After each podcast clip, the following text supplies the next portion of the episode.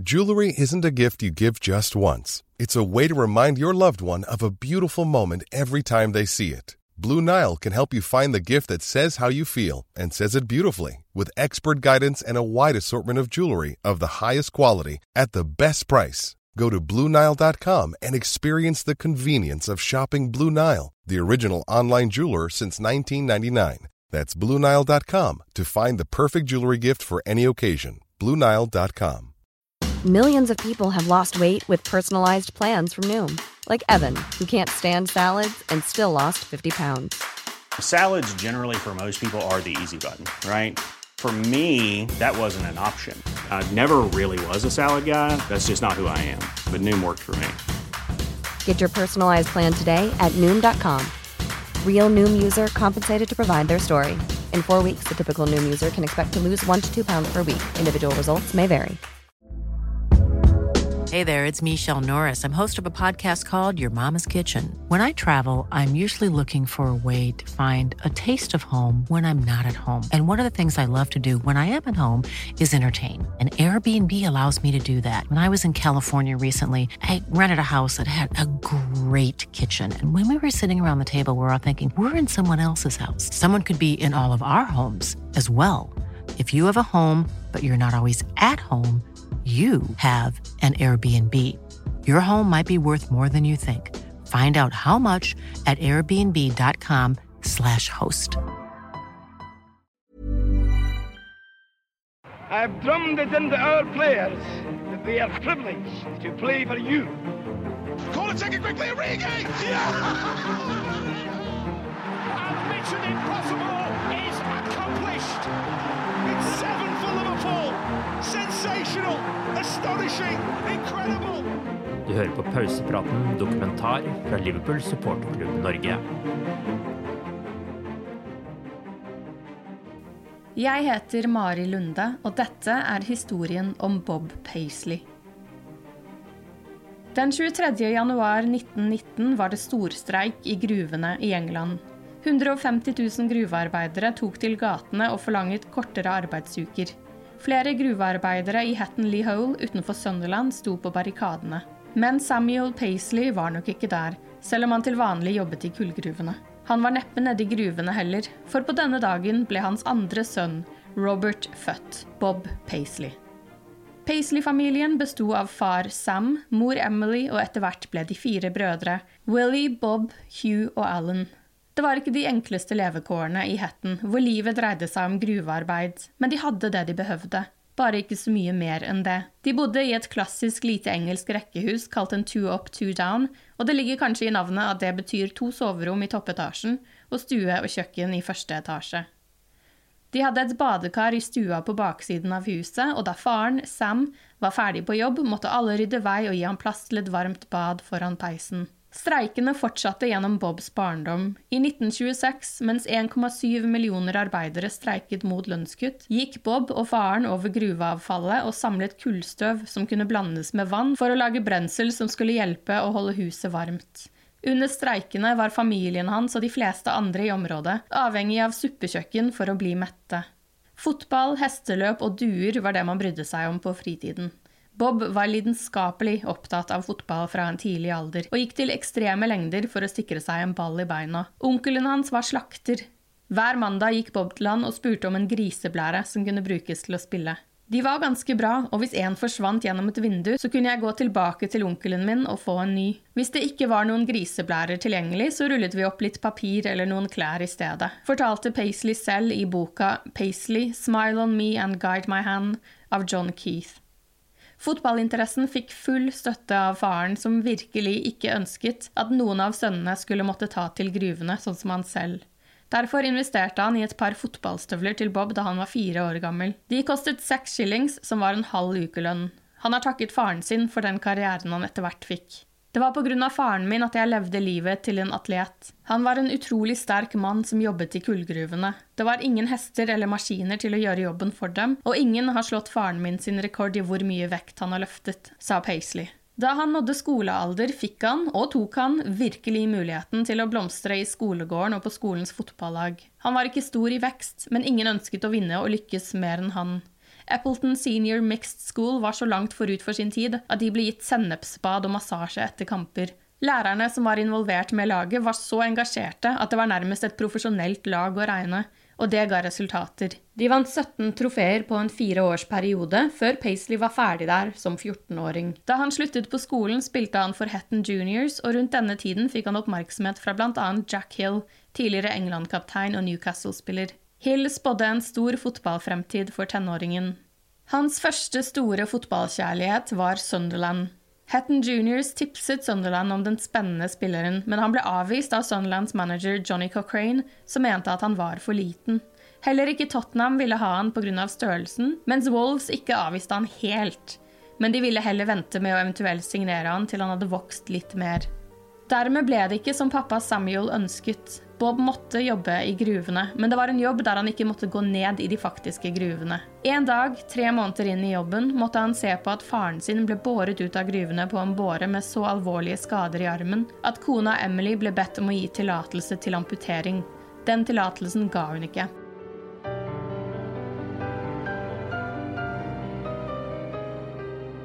Bob Paisley er langt ifra den eneste fotballmannen på den tiden som stammet fra et gruvesamfunn. Det samme gjaldt bl.a. for Bill Shankly, Matt Busby og Jock Steen. John Williams er sosiologiprofessor ved universitetet i Leicester, men opprinnelig fra Liverpool, og han begynte å dra på kamper på Anfield på 60-tallet. Senere har han skrevet bøker om klubben, bl.a. Into the Red, The Liverpool Way og Redman Reborn. Williams tror ikke det er tilfeldig at mange av fotballens store menn er oppvokst rundt gruvene. Those west of Scotland and, uh, and northeast uh, uh, sources of of uh, players and trainers and managers and coaches. Scotland, uh, lots of people forget it because uh, of what's happened more recently. But Scotland was a was a great footballing nation, and I think that, that all of those men that, that you mentioned uh, they all came from rather close knit communities where uh, a way out for men was was to play football. Uh, they didn't have the option of being pop stars as young men have today.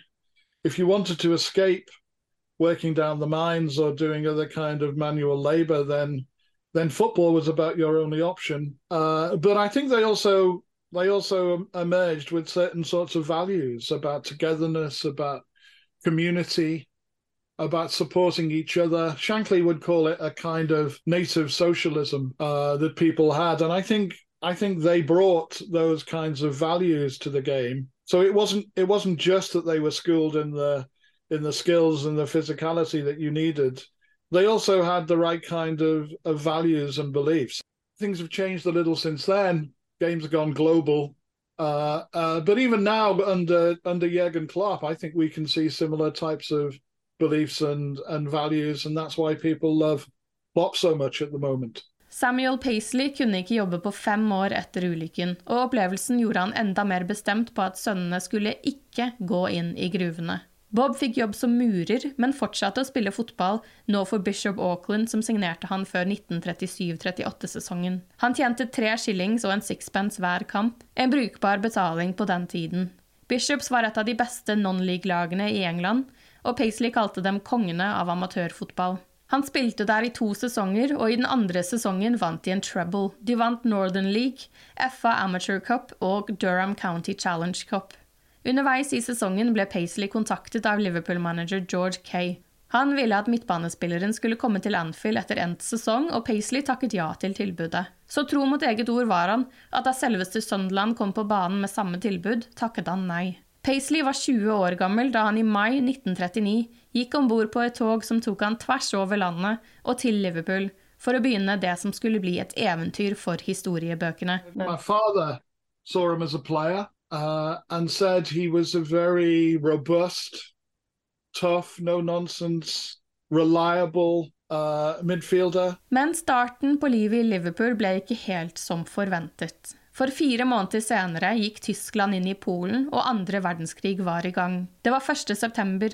Dagen etter invaderingen, altså den 2. september, ble det spilt fotball som vanlig i England, det som var den tredje runden av sesongen. I am speaking to you from the Cabinet Room at 10 Downing Street. Men den 3. september erklærte statsminister Neville Chamberlain krig mot Tyskland. This morning, the British ambassador in Berlin handed the German government a final note stating that unless we heard from them by 11 o'clock, that they were prepared at once to withdraw their troops from Poland, a state of war would exist between us. I have to tell you now that no such undertaking has been received, and that consequently this country is at war with Germany. Liverpool hadde spilt tre kamper, men Paisley hadde ikke fått spilletid. Likevel hadde de få månedene gjort inntrykk på han. Han bygget et vennskap til daværende Liverpool-kaptein Matt Busby, samt legende Billy Liddle, som hadde kommet til klubben året før Paisley. FA konkluderte med at klubber kunne spille vennskapskamper så lenge det skjedde utenfor områder som var evakuert. Paisley spilte i 34 slike kamper mellom 1939 og 1941. En av kampene var mot Everton i Liverpool Senior Cup. Det ble hans første møte med erkerivalen, og 30 000 tilskuere dukket opp. Han hadde fått klarering fra militæret til å spille i kampen, men var stasjonert i Tarpley i Cheshire og måtte hive seg på sykkelen. Han syklet til Birkenhead og haiket gjennom Mercy Tunnel og til kampen. Hjem igjen var det samme rute. Liverpool tapte 4-2. Som 20-åring da krigen brøt ut, ble han naturligvis kalt inn til militærtjeneste. Han ble plassert i Royal Artillery og først stasjonert ved forskjellige baser i Storbritannia, bl.a. nord i Wales og i Cheshire. Hans kompani ble sendt til Japan, og han skulle egentlig ha blitt med. Det var bare det at han var kaptein for regimentets fotballag, som ikke ville at han skulle dra akkurat da. Det var flaks for Paisley. Hele kompaniet hans ble tatt til fange og satt som krigsfanger i et japansk fengsel frem til krigen var over. Men i august 1941 reiste han ut. Veien gikk til Egypt, men det var ikke bare å hoppe på et EasyJet-fly til Sharm el Sheikh. Nei, det tok krigsskipet ti uker å ta seg til Egypt, da de måtte seile rundt Sør-Afrika, da Middelhavet ikke var trygt. Rundt juletider fikk han sitt første postkort fra England. Det var manager George Kay som lurte på om han var tilgjengelig til å spille i sesongåpningen mot Preston North End tre måneder tidligere. Paisley ble værende utenlands i fire år og to måneder. Han tilbrakte mesteparten av tiden stasjonert sør for Kairo. Han var med i det andre slaget om El Alamein, som kalles det avgjørende vendepunktet i ørkenkrigen. Det sto mellom 23. oktober og 3. november 1942. De allierte styrkene vant, slo det tyske Afrikakorpset og satte en stopper for deres drøm om å ta kontroll over Suezkanalen og få tilgang på Midtøstens oljefelter. All through that night and into the broad light of day, British guns poured tons of shells at Rommel's Invincibles, and tough fighters though they are, they simply couldn't take it. Paisley kom seg gjennom krigen med bare én liten skade. Synsskader etter å ha fått sand i øyet fra et angrep fra Luftwaffe. Etter oppholdet i Egypt ble han stasjonert i Italia. Mens han var der, fikk han triste nyheter hjemmefra. Yngstebror Alan hadde dødd av skarlagensfeber. I juni 1944 var han med på frigjøringen av Roma. Troppen hans red inn i byen på toppen av en tanks.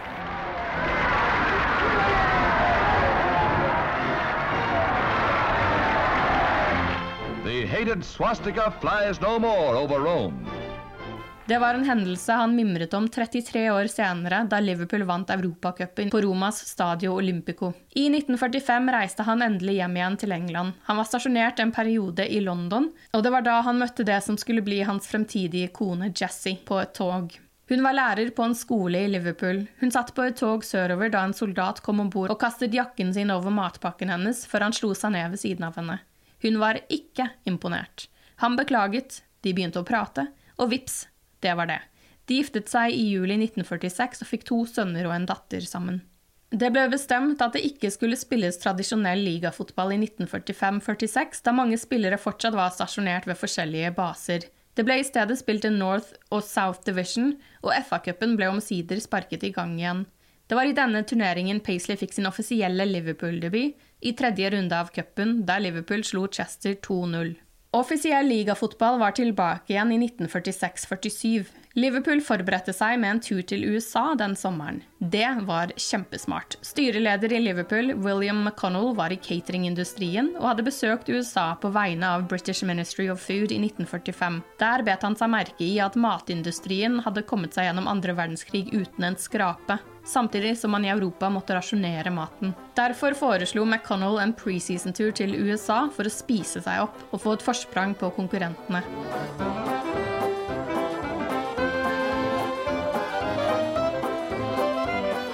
De vant samtlige treningskamper i statene, men viktigst av alt, de fikk fetet seg opp. Hver spiller la på seg over tre kilo i gjennomsnitt i løpet av de seks ukene. Paisleys første ligakamp for Liverpool ble spilt foran nesten 50 000 tilskuere, og var en målrik 7-4-seier over Chelsea. Han ble lagt merke til både for hvor hardttaklende han var, men også for innkastene sine. Han kunne kaste ballen fra sidelinja til målstolpen, og det var et supert våpen å ha, har Billy Little fortalt. Innkastene skal han ha lært fra en kompis i barndommen, inspirert av Newcastle-spiller Sam Weaver. Paisley var også kjapp, og selv forklarte han farten med at den kom fra den tiden der han måtte spurte fra skolegården til suppekjøkkenet for å få mat under de tunge streiketidene.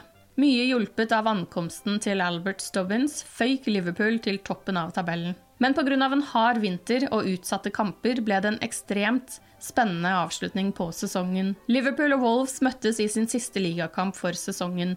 Wolves hadde 56 poeng, samme som Manchester United, som ikke hadde flere kamper igjen å spille. Liverpool og Stoke hadde 55. Liverpool vant kampen 2-1 og lå på toppen av tabellen, men Stoke spilte ikke sin siste kamp før hele to uker senere. De hadde en bedre målforskjell og ville vinne tittelen dersom de slo Sheffield United. Kampen ble omsider spilt i juni, og samme dag spilte Liverpool og Everton på Anfield i Liverpool Senior Cup Final. Kampen var i gang 15 minutter senere enn kampen på Bramall Lane. Da kampen mellom Stoke og Sheffield United var over, ble det annonsert over høyttaleranlegget på Anfield at Sheffield United hadde vunnet 2-1. Ligasesongen var over, og Liverpool sto igjen som vinnere. Kampen på Anfield ble midlertidig stanset pga. jubelscenene på tribunene og blant spillerne. Everton-spillerne gratulerte Liverpool-spillerne. Liverpool slo også omsider Everton 2-1 og vant dermed to titler på én dag. Det ble det eneste ligagullet Paisley fikk sine hender på som spiller.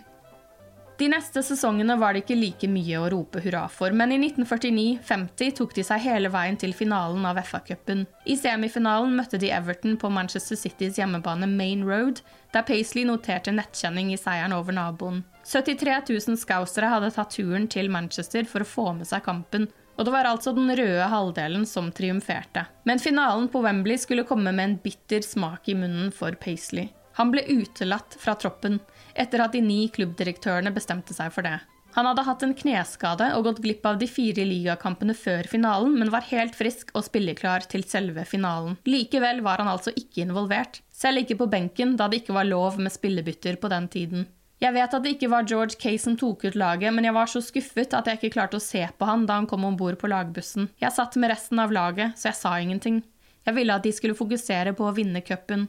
Men jeg hadde en god, åpen samtale med Albert Stubbins, som var en god venn, og jeg fortalte han at jeg vurderte å dra fra Liverpool. Jeg fikk også et godt tilbud fra en avis om å fortelle hva jeg følte om å bli utelatt. Det var fristende, men jeg sa nei. Jeg ville ikke ha overskriftene, fortalte Paisley ifølge boka Smile on me and guide my hand. Liverpool tapte finalen mot Arsenal 2-0. Det traff meg så hardt i 1950 at hvis en annen klubb hadde kommet på banen og Liverpool var åpen for det, så ville jeg ha dratt. Men den sommeren tenkte jeg over det, og kom til konklusjonen om at hadde jeg dratt, så hadde bare det samme skjedd igjen et annet sted, sa Paisley. Det gjorde voldsomt inntrykk på han, men opplevelsen av å bli utelatt tok han med seg inn i trener- og managerjobben senere. Paisley ble værende. Og til tross for at han hadde blitt utelatt fra kampen på Wembley, så ble han underlig nok gitt kapteinspinnet sesongen etter, og han spilte 41 av 42 ligakamper. Etter 1953-54-sesongen rykket Liverpool ned til andredivisjon. Det var første gang på 49 år at de måtte forberede seg på en sesong utenfor toppdivisjonen. For Paisley markerte det slutten på spillerkarrieren og starten på noe nytt.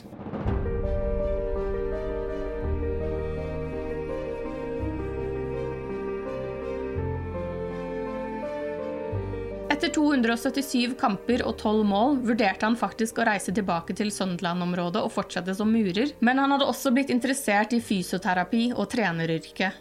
Han tok et brevkurs i fysioterapi og ble tilbudt en trenerjobb i reservelaget til Liverpool av manager Don Welsh. Det ble mange år nede i andredivisjon på Liverpool, og Welsh ble den første manageren i Liverpools historie til å få sparken ved slutten av 1955-56-sesongen.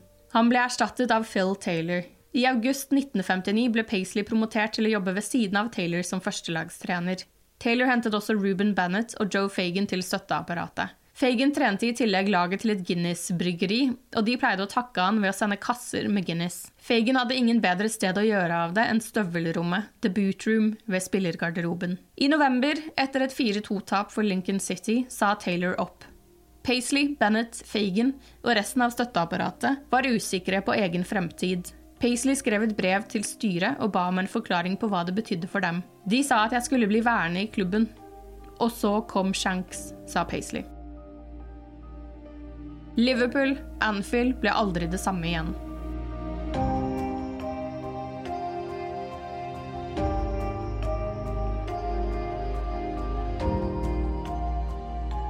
Paisley og co. hadde vært bekymret for fremtiden sin. Veldig ofte tar jo en manager med seg sitt eget team, men ikke Shankly. Jeg ville ikke det. Jeg kjente allerede Bob Paisley, Joe Fagan og Ruben Bennett. Faktisk prøvde jeg en gang å signere Joe Fagan. Det første jeg gjorde, var å ha et møte med dem. Jeg fortalte dem at jeg skulle legge planene, de skulle følge dem, og sammen skulle vi jobbe i harmoni, har Shankly fortalt. Han krevde full lojalitet. Det fikk han. Paisley, Bennett og Fagan støttet Shanklys nye treningsmetoder med en gang. Spillerne sluttet å løpe på asfalt fra Anfield til Melwood som oppvarming, og fokuserte heller på mer fotball. Shankly sa at han ikke ville ha maratonløpere eller sirkusartister. Han ønsket fotballspillere. Duoen Shankly og Paisley var en interessant, men velfungerende en.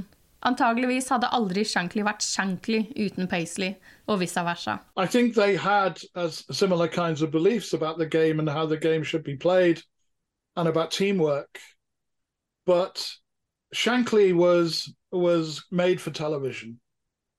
Uh, and when Shankly was was the manager from the late 1950s onwards into the 60s and 70s, television was becoming a much more important part of the game. Uh, and Shankly was a great television performer. Uh, he was, uh, you know, he could say the right things at the right moment. Paisley had none of those skills really. Paisley wasn't a great public speaker. He didn't really enjoy it. Uh, he he didn't have those those wonderful little kind of sayings that Shankly could uh, could find. Shankly var motivatoren, Paisley var taktikeren. Paisley var førstelagstrener og etter hvert assistentmanager. Shankly var brautende og rappkjefta, mens Paisley var i bakgrunnen som trener og fysioterapeut, med god kunnskap om skader. Paisleys ekspertise gjorde at flere enn bare fotballspillere kom til behandlingsrommet på Anfield. Både boksere og andre idrettsutøvere, men Paisley satte omsider foten ned da en mann dukket opp på Anfield med en mynde. Nei, Paisley kunne ikke behandle hunder. Shankly ønsket ikke at spillerne skulle komme til han med bekymringer, misnøye eller hva som måtte plage dem. Han ønsket, og de ønsket, å gå til Paisley eller Joe Fagan. Dersom en spiller var misfornøyd med å ikke få spille eller lignende, så kunne Paisley enkelt sette seg inn i situasjonen deres etter skuffelsen han selv opplevde på Wembley. Etter at Eric Sawyer ble ansatt som styreleder i Liverpool FC, så gikk ting endelig på skinner, også hva gjaldt overganger. Sawyer sørget for et høyere budsjett for Shankly, som kunne hente Ian St. John og Ron Yates til klubben.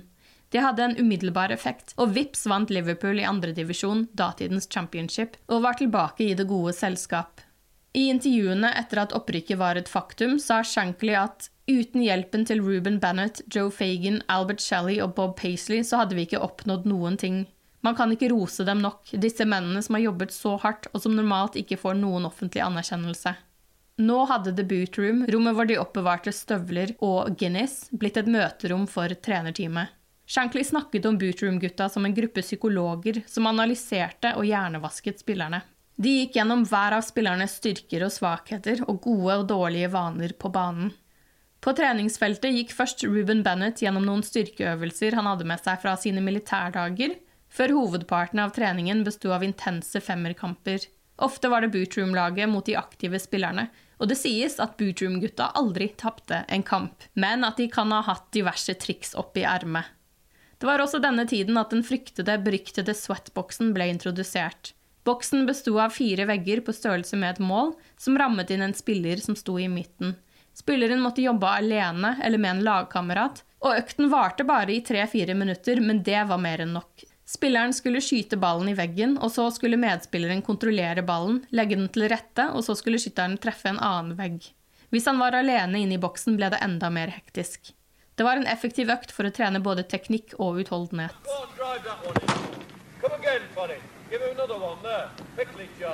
Go on then. Get rebound on that. Get over the top of it, John. Treningsøktene funket som en kule. I 1962-63-sesongen var Liverpool tilbake i førstedivisjon, og de brukte bare to sesonger på å vinne ligaen igjen for første gang siden 1947. Altså den sesongen hvor Paisley og co. fetet seg opp i Statene. Sommeren 1964 dro de tilbake til USA igjen, på turen hvor Bill Shankly nektet å stille klokken etter amerikatid og jobbet på nattestid. På en bankett til ære for Bob Paisley mange år senere fortalte han en historie om daglig leder TV Williams som hadde blitt forstoppet på turen, og gikk til Paisley for hjelp. Paisley ba han om å spise fruktsalat hver morgen, men det fikk ikke fart på sakene. Han kom tilbake til Paisley og ba om mer hjelp, og da ble han gitt en tablett. Men det hjalp ikke. Liverpool flyttet seg fra New York til Boston til Detroit og St. Louis, og Williams ba om flere og flere tabletter. I St. Louis fikk Paisley beskjed om å komme til Williams sitt rom så fort som mulig, og han hadde aldri sett lignende. Det var overalt, og problemet var at Williams bare hadde med seg ett par bukser. Han var en høy mann, og det var bare Ron Yates som kunne matche høyden. Derfor lånte han buksene til Yates. Før kampen i St. Louis fortalte Yates til Ian St. John hvorfor Williams måtte låne buksene hans, og St. John lo så mye at han falt av stolen, slo hodet og visstnok ikke kunne spille kampen. Paisley begynte å føre en svært detaljert dagbok over alt som skjedde på treningsfeltet, i kamper, med spillerne både på banen og privat. Dersom en spiller opplevde et dødsfall eller en fødsel nær seg, så skrev han det ned. Alt som kunne påvirke en spillers prestasjoner, ble bokført. Spillernes møter med advokater og regnskapsførere, værforhold, vekttrening, alt ble skrevet ned. Paisley mente det var svært verdifullt å kunne se mønstre i når en spiller er inne i en svak periode, og at å forstå mønstrene var viktig i utviklingen av yngre spillere. I 1965 tok Liverpool seg til finalen i FA-cupen. De møtte Leeds på Wembley. Tidlig i kampen ble Jerry Byrne skadet i en kollisjon med Leeds-kaptein Bobby Collins. Paisley løp på banen for å undersøke han, og Byrne klaget over et skrubbsår på leggen. Men da han reiste seg opp, skjønte han at skaden var mer alvorlig enn som så. Ved et senere stopp i spillet kom Paisley på banen igjen og kjente på kragebeinet hans. Paisley kjente med en gang at kragebeinet var brukket. På den tiden var det ikke lov med bytter, så Liverpool risikerte å spille med én spiller mindre. Det ville ikke Byrne, som insisterte på å fortsette, til Paisleys store fornøyelse. Det var viktig at de klarte å holde skaden skjult for Leeds-spillere og benk, og det klarte de. I pausen fikk Byrne en liten bandasje, men spilte seg gjennom smerter. Det sto 0-0 ved ordinær tid, så stakkars Byrne måtte også belage seg på ekstraomganger. Etter bare noen få minutter tok Liverpool ledelsen med en heading fra Roger Hunt etter innlegg fra Byrne. Leeds utlignet, men i sluttminuttene skåret Ian St. John vinnermålet.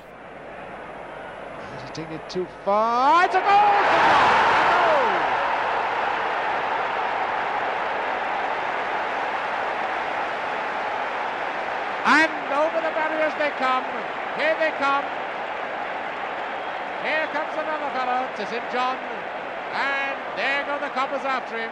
Etter FA-cuptriumfen gikk Liverpool en lang periode uten å vinne trofeer, men de klarte å kvalifisere seg til Europa, men klarte aldri å gå hele veien. Paisley fulgte med, noterte, lærte etter hver gang de tapte. Han lærte at bl.a. reiseplanen i Europa var viktig for utfallet. Paisley har senere fortalt at de valgte å tilbringe så lite tid som mulig på de forskjellige destinasjonene. De ble på Mercyside så lenge de kunne, og de tok til og med med seg eget vann til Europa, da de var usikre på hvordan vannet på kontinentet kunne påvirke spillerne. Etter hvert brukte de også prøvekaniner på maten de ble servert i utlandet. Altså, de hadde personer som smakte på maten som hotellene serverte, før maten ble servert til spillerne. Da 1960 ble til 1970, begynte Paisley å tenke at Shankly var for lojal mot noen av spillerne. Paisley mente at å vurdere når det var riktig å kvitte seg med en spiller, var noe av det viktigste innenfor fotballen. At det var en stor tabbe å holde på en spiller som var ferdig. Det var ikke rettferdig verken mot deg selv eller spilleren. Det var ofte Paisley som ble stående mellom en spiller og Shankly, da spilleren opplevde å bli utelatt fra lagoppstillinger. Paisley forsøkte så godt han kunne å holde spilleren borte fra Shankly, for hvis spilleren gikk inn på Shanklys kontor, så ville det bli krangel.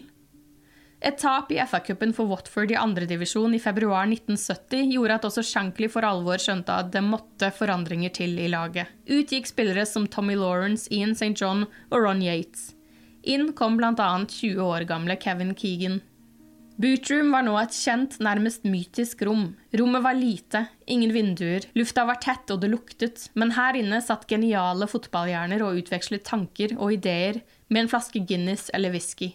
Paisley, Fagan, Bennett, Ronny Moran, Tom Saunders, John Bennison, Jeff Twentyman og Roy Evans var blant de som frekventerte rommet de neste årene. De la planer, snakket om taktikk, og det som ble sagt i bootroom, ble værende i bootroom. Shankly stakk en sjelden gang hodet innom, men motstandernes managere og trenere var velkommen inn etter kamp. Selv Elton John, som var styreleder i Watford, ble invitert inn. Han fortalte senere at han hadde spilt konserter for titusenvis i USA, men at det var langt mer fryktinngytende å gå inn i det lille rommet i Anfield. Han hadde blitt spurt hva han ønsket å drikke, og ba om en pink gin.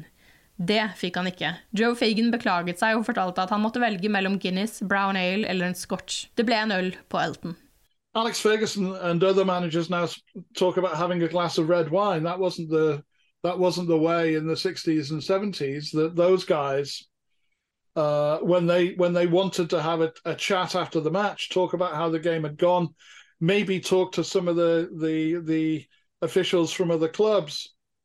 Uh, they thought they could do this best over a beer. You know, very working class credentials and ritual.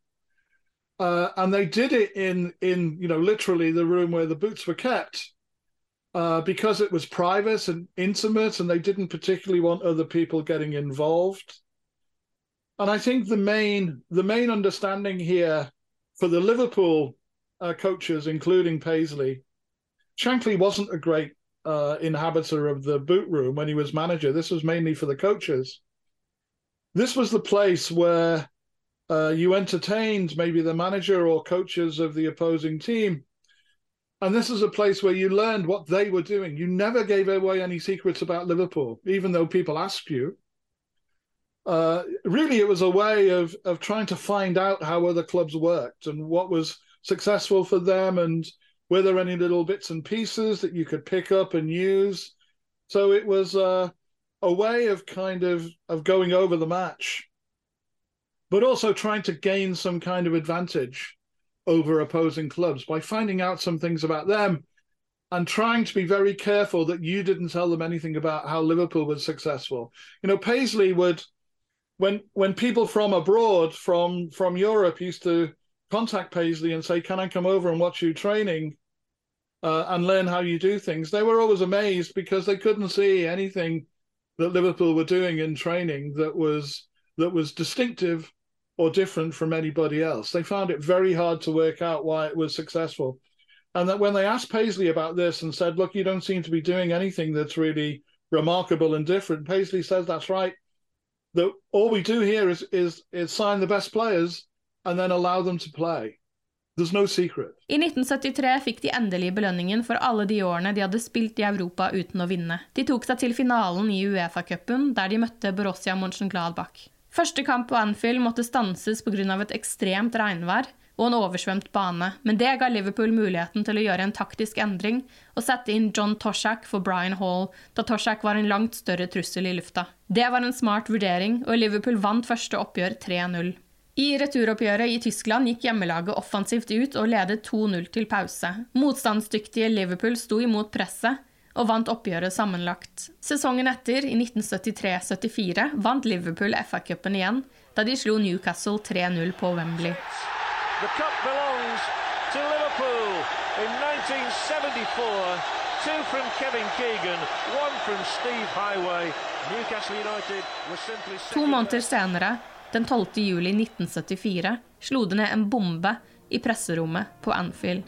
Bill Shankly sa opp som manager i klubben i del to. Men hvordan tar man over etter mannen som bare ble kalt Messias?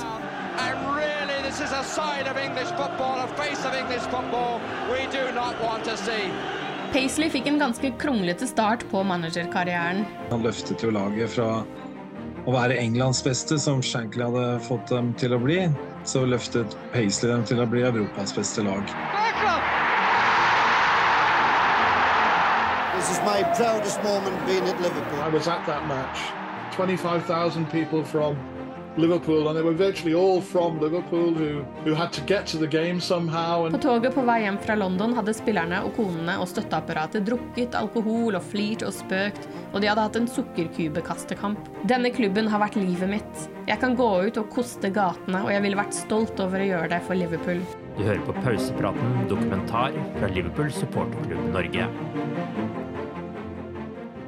Jeg dro fra Liverpool fordi jeg var tilfredsstilt. Jeg hadde bevist noe. Alle argumentene var vunnet. Ingen tvang meg. Det var min avgjørelse, og den ble tatt over lengre tid. Det var som at jeg ventet på galgen. Jeg liker å tro at jeg har gitt mer til spillet enn jeg har tatt, og at jeg ikke har lurt noen. Det sa Bill Shankly om den sjokkerende avgjørelsen da han sa opp som Liverpool-manager i juli 1974. Likevel mener de aller fleste som fulgte han og Liverpool tett på den tiden, at det var en avgjørelse han angret på. Bob Paisley var naturligvis en av de som ble oppskaket av sjefens beslutning. Men det var ikke helt fremmed for han heller. De to hadde ofte snakket om å pensjonere seg. Hvert år hadde Shankly sagt at han skulle gi seg, men Paisley tok han aldri seriøst. Jeg vet ikke hvorfor han ga seg, men jeg nøt hvert øyeblikk av den tiden vi jobbet sammen. Vi var ikke alltid enige, men man kan ikke ha annet enn stor respekt for en mann som Bill. Jeg beundrer han, sa Paisley. Så hvor gikk veien videre for Liverpool FC? Paisley trodde klubben ville gå for en tidligere spiller, som Ian St. John. Han gikk også til Shankly selv og oppmuntret han til å bare ta en lengre pause. En ferie. Reis på cruise i et halvt år og kom tilbake med ladede batterier. Men det var ikke et alternativ. Og klubben hadde bestemt seg. De utlyste aldri stillingen. De ville ha Paisley som arvtaker. John Williams er sosiologiprofessor ved universitetet i Leicester, men opprinnelig fra Liverpool, og han begynte å dra på kamper på Anfield på 60-tallet. I senere tid har han skrevet flere bøker om klubben, bl.a. Into the Rad, The Liverpool Way og Radman Reborn. When, when, I, when I wrote in my book about this, I said, because it had come out of the blue, uh, it felt as if some people thought that Shankly had actually died. and they were they were not being told because no one could imagine Shankly resigning in this way, particularly as the club had just won the FA Cup, and and he was building a a, a new team. Uh, uh, so it it was an enormous shock. Uh, it was it was very difficult, I think, for people to to get used to. What they didn't know, of course, which is interesting, is that virtually every season Shankly had threatened to to leave Liverpool because you know in the in the close season he seemed to go into a bit of a depression. Uh, he missed the game. Uh, sometimes he didn't think he was valued enough by the board, and so very often he kind of he kind of threatened to give it up, and and and the board just just said, you know, when this, we're not dealing with this seriously. So they didn't think he was serious when he said he was he was packing in. And almost immediately after he'd decided he was leaving, he realized he'd made a mistake. He realized that uh, that he should have carried on. You know, he he said he wanted to leave because he wanted to spend more more time with his fa- family. But he, as soon as he he he he decided to go and it became official, he regretted it and thought, perhaps because he was Bill Shankly, that the club would would take him back but of course, the club, because Shankly had made it that uh, beginnings of that winning machine that you discussed, the club was also quite ruthless and hard headed, you know, and the club, once they realized that Shankly was serious, they had to work out how to continue this. And the obvious answer, although he was very reluctant, as I've said, the obvious answer was to recruit Bob Paisley, to to recruit from the inside Paul Christian Møller startet den norske supporterklubben til Liverpool sammen med Torbjørn Flatin i 1980. Bob Paisley var jo manager eh, når jeg eh, vokste opp som Liverpool-supporter på hele 70-tallet. Jeg begynte å holde med Liverpool eh, litt før det, da Shankly var manager i 1972. Men det var jo Paisley som var den store manageren. Jeg var 13 år når han overtok, og, og, de viktige tenårene som Liverpool vant utrolig mye. Han løftet jo laget fra å være Englands beste, som Shankly hadde fått dem til å bli, så løftet Paisley dem til å bli Europas beste lag. Det må han ta æren for. Og det å oppleve et Liverpool-lag på slutten av 70-tallet og begynnelsen av 80-tallet som vant eh, flere trofeer hvert eneste år og vant Europacupen for serievinnere, som nå heter Champions League, eh, fire ganger på, på sju år. Det er jo helt fantastisk. Og de aller fleste trofeene her var det jo Bob Paisley som, eh, som sto bak. Han var jo Englands mestvinnende manager, eh, og eh, gjorde det på rekordtid. Så det er bare helt utrolig egentlig hva han har fått til. Og i tillegg, når vi vet eh, hvilken fantastisk tjener han har vært for Liverpool helt siden han kom til klubben som spiller i 1939 og helt til han gikk av som manager på begynnelsen av 80-tallet, og fortsatte da etterpå i styrerommet. og tjente Liverpool eh, gjennom eh, nesten 60 år, så er det egentlig helt fantastisk å, å, tenke på hva han har bidratt med. Problemet var bare at Paisley selv ikke var så veldig keen. Han sa nei. Han sa han ville snakke med Bill. Men etter press fra styret og direktørene sa han omsider ja, ok. Men han trodde det skulle være midlertidig, frem til de fant den egentlige arvtakeren. He didn't even want to be the manager, and he certainly didn't want to take over from Bill Shankly. He was quite happy in his role as a coach and and trainer. Uh, so it was a hard ask for him to to take the top job. I think one of the reasons why he took took the job and made made such a success of it was because he, he inherited a group of players who themselves could help him manage the team that uh, the players he had were all, uh, or many of them were great leaders on the field. Uh, and I think that helped Paisley a lot. Uh, they they they believed him and trusted in him and respected him, but they knew he wasn't Shankly. Uh, but they together worked to produce a, a really uh, efficient Liverpool team. Da han takket ja, hadde han de andre i trenerteamet i tankene. Tanken på at en helt ny person skulle komme inn, og alle potensielt skulle miste jobbene sine, var uutholdelig.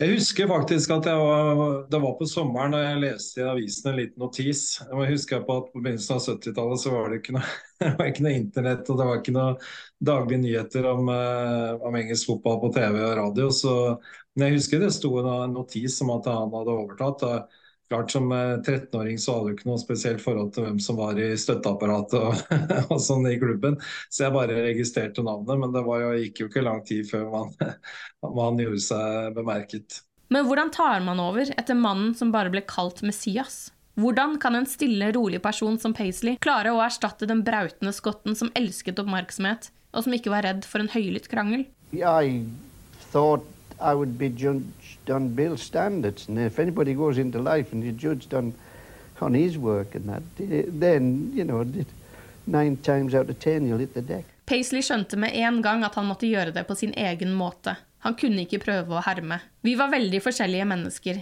Jeg er fornøyd hvis ingen legger merke til meg, men Spill hadde stål på skoene sine, så alle skulle høre at han kom, sa Paisley.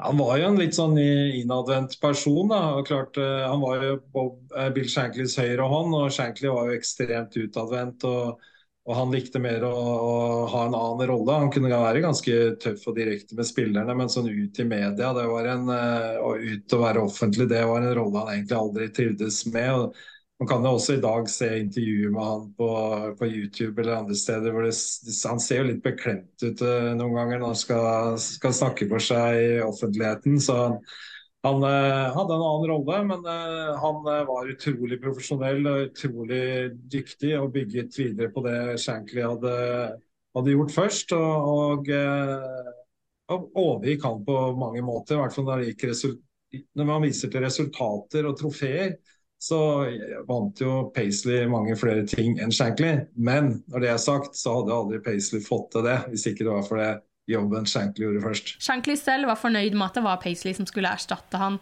og hadde visstnok anbefalt styret at det var akkurat det som skulle skje. Shankly ledet laget ut på Wembley i Charity Shield-kampen mot Leeds som en av sine siste oppgaver som manager. It's Shankly's moment, and Brian Clough well aware of that fact. Kevin Keegan fikk rødt kort i kampen sammen med Billy Bremner etter en krangel, og i frustrasjon kastet han trøya si på vei av banen. Han kunne vente seg en større straff fra FA etter dette. Bremner is off as well. They're both throwing their shirts down. And really, this is a side of English football, a face of English football we do not want to see. Den første offisielle kampen under Paisley-æraen var en 2-1-seier over Luton. Etter kampen måtte Keegan sone tre kampers utestengelse for hendelsene på Wembley. Men det var ikke det hele. Keegan og Paisley måtte møte på kontoret til FA for en høring, og straffen ble økt. Keegan fikk en bot på 500 pund og utestengt fra fotballen til slutten av september. Han gikk med det glipp av hele elleve kamper. Tre for utvisningen og åtte ekstra for å kaste trøya i frustrasjon. Paisley fikk en ganske kronglete start på managerkarrieren. Ikke bare var det alt tullet med Keegan, men det var også en syvende far i huset som fulgte med på alt som skjedde. Det som var litt problematisk i starten, var jo at eh, Bill Shankly trodde at han kunne bare komme på treninga etter at han hadde gått av som manager og spille litt five-side med spillerne og sånn. Og de kalte jo han for boss eh, etterpå, og det ble en vanskelig situasjon for Paisley i starten. Så etter en stund så fikk jo rett og slett eh, Shankly beskjed om at han, eh, det var kanskje bedre for han at han holdt seg unna treningene, sånn at, eh, at alle så at han ikke var sjef i klubben lenger. Og det syntes han var litt sårt, men det, det måtte bare være sånn. for det var Paisley som var den nye sjefen, og han tok den rollen. It was a very, I think, a very difficult time for for everybody uh, to get used to the fact that Shankly was no longer there and Paisley was now in charge. Shankly hadde kanskje pensjonert seg, men han følte seg ikke helt ferdig med det hele. Han fortsatte å dukke opp på treningsfeltet Melwood, og spillerne kalte han naturligvis boss. Spillerne hadde kjent både Shankly og Paisley så lenge at det var vanskelig å plutselig omtale Paisley som boss. Shankly ville bare hjelpe, komme med råd og føle at han fortsatt var en del av gruppa. Men det var så forstyrrende for Paisley, som forsøkte å gjøre jobben sin. Det finnes et par varierende rapporter på hva som skjedde som gjorde at Shankly sluttet å komme. De fleste sier at Paisley, med styrets støtte, gikk til Shankly og ba han om å holde seg unna. Paisley selv har forklart det litt annerledes. Paisley ble sitert i en søndagsavis på at det var han som styrte showet, selv under Shankly. Det var noe han aldri hadde sagt men noe Shankly selv hadde lest og blitt fornærmet over. Paisley beklaget og forklarte, og sa at Shankly fortsatt var velkommen til treningsfeltet, men Shankly valgte etter dette å holde seg borte. I senere år ble de to enige om at det kanskje hadde vært for det beste, selv om det hadde skjedd på feil premisser. I don't think at all Shankly blamed Paisley, and Paisley certainly told Shankly, look, I didn't want the job. Ready to pop the question? The jewelers at BlueNile.com have got sparkle down to a science with beautiful lab grown diamonds worthy of your most brilliant moments. Their lab grown diamonds are independently graded and guaranteed identical to natural diamonds, and they're ready to ship to your door. Go to BlueNile.com and use promo code LISTEN to get $50 off your purchase of $500 or more. That's code LISTEN at BlueNile.com for $50 off. BlueNile.com code LISTEN. Hey there, it's Michelle Norris. I'm host of a podcast called Your Mama's Kitchen. When I travel, I'm usually looking for a way to find a taste of home when I'm not at home. And one of the things I love to do when I am at home is entertain. And Airbnb allows me to do that. When I was in California recently, I rented a house that had a great kitchen. And when we were sitting around the table, we're all thinking, we're in someone else's house. Someone could be in all of our homes as well. If you have a home, but you're not always at home, you have an Airbnb. Your home might be worth more than you think. Find out how much at airbnb.com/slash host. I'm Sandra, and I'm just the professional your small business was looking for. But you didn't hire me because you didn't use LinkedIn jobs. LinkedIn has professionals you can't find anywhere else, including those who aren't actively looking for a new job, but might be open to the perfect role, like me. In a given month, over 70% of LinkedIn users don't visit other leading job sites. So if you're not looking on LinkedIn, you'll miss out on great candidates like Sandra. Start hiring professionals like a professional. Post your free job on linkedin.com/people slash people today. Millions of people have lost weight with personalized plans from Noom, like Evan, who can't stand salads and still lost 50 pounds. Salads generally for most people are the easy button, right? For me, that wasn't an option. I never really was a salad guy. That's just not who I am. But Noom worked for me. Get your personalized plan today at Noom.com. Real Noom user compensated to provide their story. In four weeks, the typical Noom user can expect to lose one to two pounds per week. Individual results may vary. Wow. Nice. Yeah. What you're hearing are the sounds of people everywhere putting on Bombas socks, underwear, and t-shirts made from absurdly soft materials that feel like plush clouds. Yeah, that plush. And the best part? For every item you purchase, Bombas donates another to someone facing homelessness. Bombas. Big comfort for everyone. Go to bombas.com slash ACAST and use code ACAST for 20% off your first purchase. That's bombas.com slash ACAST. Code ACAST. No, I wanted you to continue. So it wasn't as if Paisley was kind of waiting in the wings and hoping Shankly would go or things would go wrong so he could take over. That was the last thing on on Paisley's mind. But he also realized that, you know, he had a responsibility to carry on what Shankly had, had built. So he reluctantly accepted the job.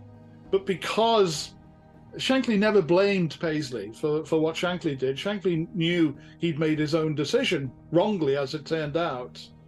Uh, but they became uh, their, their. På banen gikk det derimot veldig bra, til å begynne med. Liverpool vant fem av sine seks første ligakamper, før de tapte 2-0 mot Manchester City på Main Road. De svarte på skuffelsen med å grisebanke Strømsgodset i cupvinnercupen. Liverpool vant 11-0 på Anfield med mål fra Alec Lindsay, Phil Bershma, Phil Thompson, Steve Highway, Peter Cormack, Emlyn Hughes, Tommy Smith, Ian Callahan og Ray Kennedy. Det er og blir den største seieren i Liverpools historie. Stakkars Brian Hall, som var den eneste utespilleren som ikke skåret.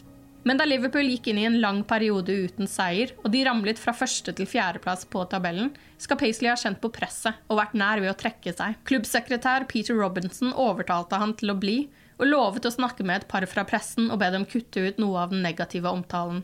Liverpool gikk ni kamper uten seier, før de slo Luton 2-0.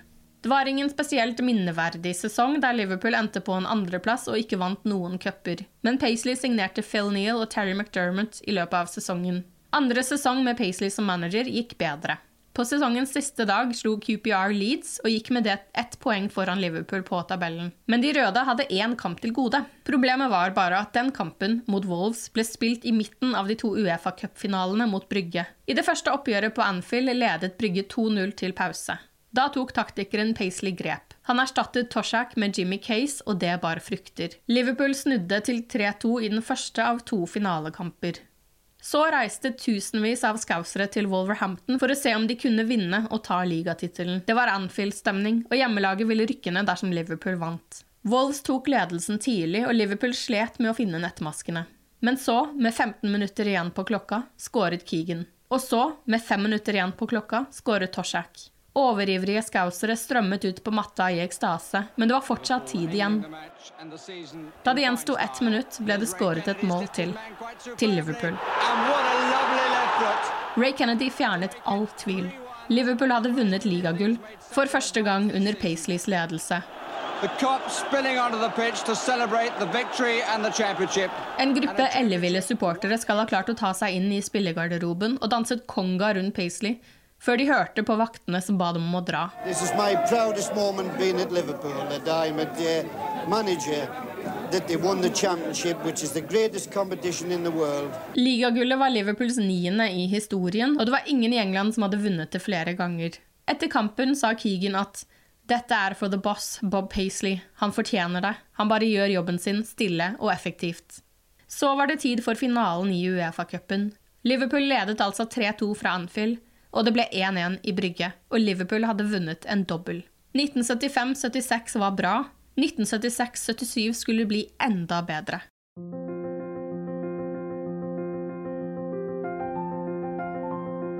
Igjen vant de ligagull, og denne gangen spilte de i Europacupen, og der gikk de helt til finalen. De tok seg også til finalen i FA-cupen, men der satt Manchester United en effektiv, om noe heldig, stopper for Liverpools treble-drøm. På en pressekonferanse på Anfield i desember 1976 kunne styreleder John Smith fortelle at Paisley og klubbsekretær Peter Robinson hadde signert nye syvårskontrakter som skulle binde dem til klubben til 1983. Det var en svært ydmyk manager som snakket om kontraktforlengelsen. Denne klubben har vært livet mitt. Jeg kan gå ut og koste gatene, og jeg ville vært stolt over å gjøre det for Liverpool, hvis de ba meg om det. Mange gode menn mister jobbene sine tidlig i denne bransjen, og mange er tvunget til å leve i usikkerhet. Liverpools holdning er veldig annerledes. Men det skal ikke gjøre meg for komfortabel. Jeg er altfor tro i min tjeneste til supporterne til å la det skje.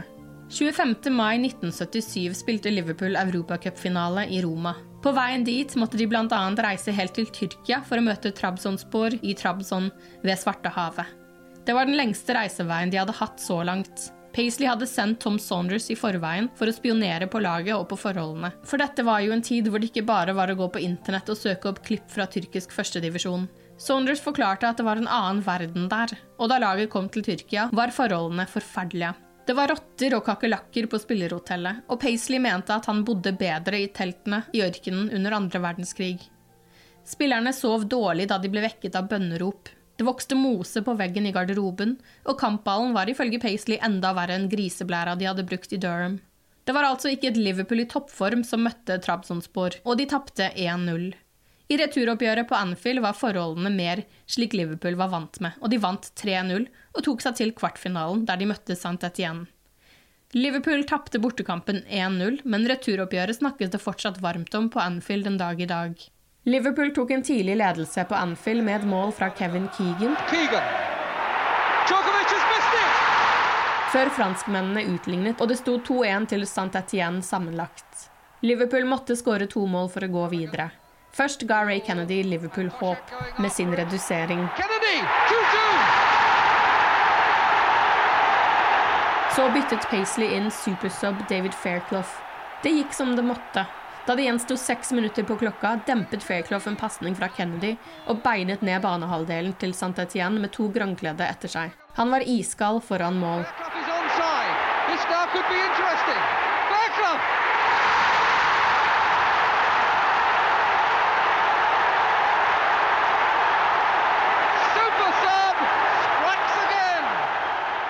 Cop gikk bølgen nedover tribunen. 3-1, 3-2 sammenlagt. Liverpool var videre. Jeg vet han ikke liker å bli kalt supersub, men det er som om han var skapt for den jobben han gjorde i kveld, for vi måtte endre litt og gi franskmennene noe å tenke på.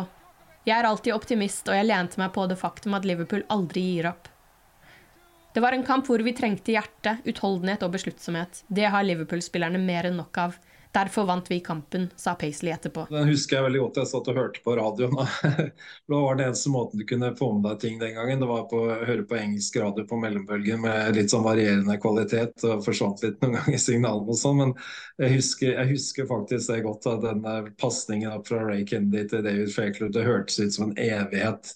Det, det løpet han hadde før han satte ballen i mål. Jeg, jeg, jeg husker jeg sto der, satt nede i kjellerstua og hoppa i taket, var helt vill. Og så I påsken så var vi i Danmark hos noen slektninger. og da, da gikk semifinalen når de spilte mot Zürich, den gikk direkte på tysk TV. Så da fikk jeg som en av veldig veldig få nordmenn sett semifinalen også.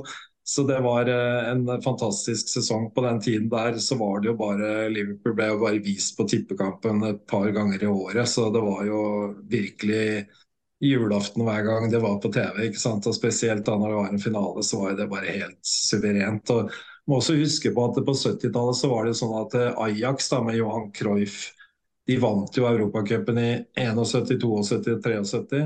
Og Så kom Bayern München da med Frans Beckenbauer, Geit Müller og seks spillere som var med og vant VM i, i Tyskland i, i 74. De vant Europacupen i 74, 75 og 76. Og så de to kjempeklubbene der i, i Europa. Og så kommer Liverpool da, og og, vinner i 77 og 78 og overtar det hegemoniet som Europas beste klubb. Når du konkurrerer med de andre lagene. Det er bare utrolig imponerende å tenke på. Bare fire dager før seieren over Borussia Mönchengladbach hadde de tapt FA-cupfinalen på Wembley. Det er en oppfattelse av at hadde de ikke tapt den finalen, så hadde de ikke vunnet Europacupen. På toget på vei hjem fra London hadde spillerne og konene og støtteapparatet drukket alkohol og flirt og spøkt, og de hadde hatt en sukkerkubekastekamp. Og innen de kom til Liverpool, var Wembley-tapet ute av kroppen. Det hadde også vært den lagånden, det mentale løftet de trengte før storkampen i Roma. Finalekampen mot Borussia Mönchengladbach ble spilt på Stadio Olympico i Roma. 27 000 røde var til stede og støttet laget. Paisley har fortalt at han aldri har sett et lag så avslappet før en kamp. Liverpool tok tidlig kontrollen og tok ledelsen etter 28 minutter med et mål fra Terry McDermott. and it's a goal!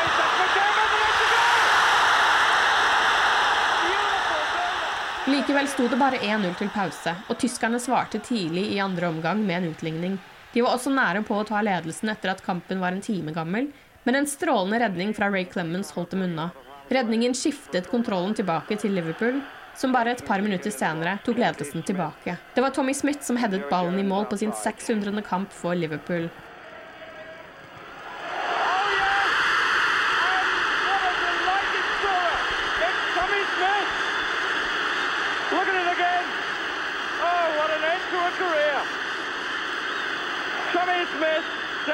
Da det gjensto ti minutter igjen å spille, fikk Liverpool et straffespark som Phil Neal satte i mål. Og da hoppet til og med Paisley opp fra benken og jublet med armene i været.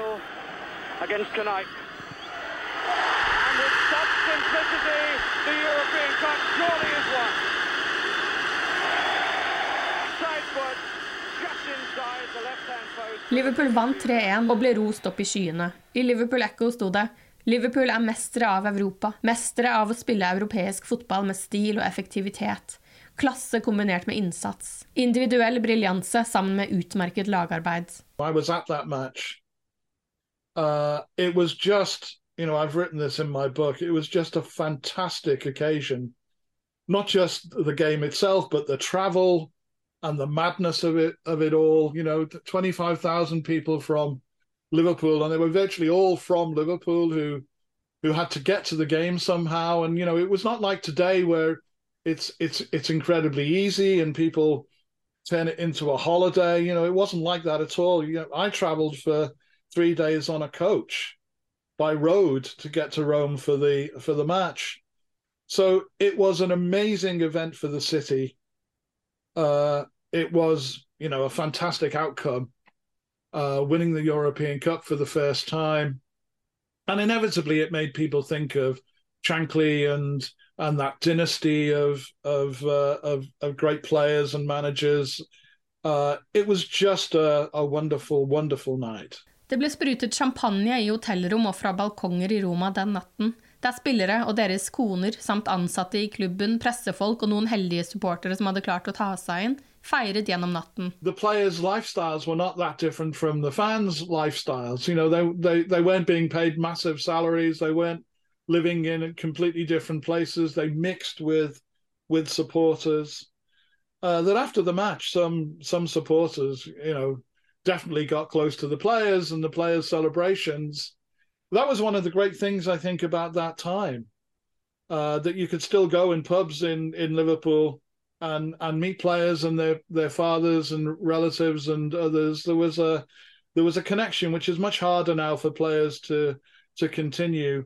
There was a togetherness about it, I think, uh, and and because it was the first European Cup, uh, and because Shankly had felt he'd been cheated out of the European Cup, you know, in in 1965 in in in Milan, and Paisley remembered that uh, I think it was even more sweet uh, for Paisley to, uh, to, to win that first European Cup. Paisley nøyde seg med et enormt glis. Han var ydmyk. Bill bygget huset, jeg bare satt på taket, sa han etter bragden. I tillegg var det stort for han at det skjedde i akkurat Roma, byen som han var med på frigjøringen av i 1944. Dette var andre gang jeg slo tyskerne her, sa Paisley. Første gang var i 1944. Jeg kjørte inn i Roma på en tanks da byen ble frigjort. Hvis noen hadde fortalt meg at jeg skulle være tilbake her 33 år senere og se oss vinne Europacupen, så ville jeg sagt at de var gærne. Men jeg vil nyte hvert minutt av dette. Derfor skal jeg ikke drikke i kveld. Jeg skal bare ta innover meg øyeblikket. Også Paul Christian Møller trekker frem finalen i Roma som et høydepunkt, selv om han ikke var til stede på kampen. For meg så var det nok eh, det, den første europacupfinalen. Eh i 1977. Eh, den gikk jo på TV. På den tiden så hadde vi bare én kanal, og det var jo ikke aktuelt å vise noen direktekamper på en onsdagskveld. Så kampen gikk jo opptak eh, etter eh, Kveldsnytt, sånn kanskje kvart over ti, halv elleve-tiden, med noen få høydepunkter fra første omgang. Jeg husker veldig godt at jeg satt og hørte på engelsk radio første omgang, men så fant jeg ut at jeg, jeg, måtte bare skru av radioen og, og vente til kampen. Og, og da, på den tiden så gikk jo det an, da, uten at man fikk se hvordan det hadde gått. Men eh, når kampen ble vist på TV, så var den egentlig i realiteten ferdig. Men det at eh, Liverpool da slo Borussia Mönchengladbach i den finalen og virkelig viste at de var Europas beste lag, det, det var en helt fantastisk eh, opplevelse. Selv om det bare var fra TV-skjermen eh, hjemme i Norge. Men eh, når du skulle snakke med kamerater og andre på skolen og liksom kunne banke i bordet at ja, vi vant både ligaen og vi hadde nettopp da tapt for United på Wembley i FA-cupen. Et eh, skikkelig bittert nederlag.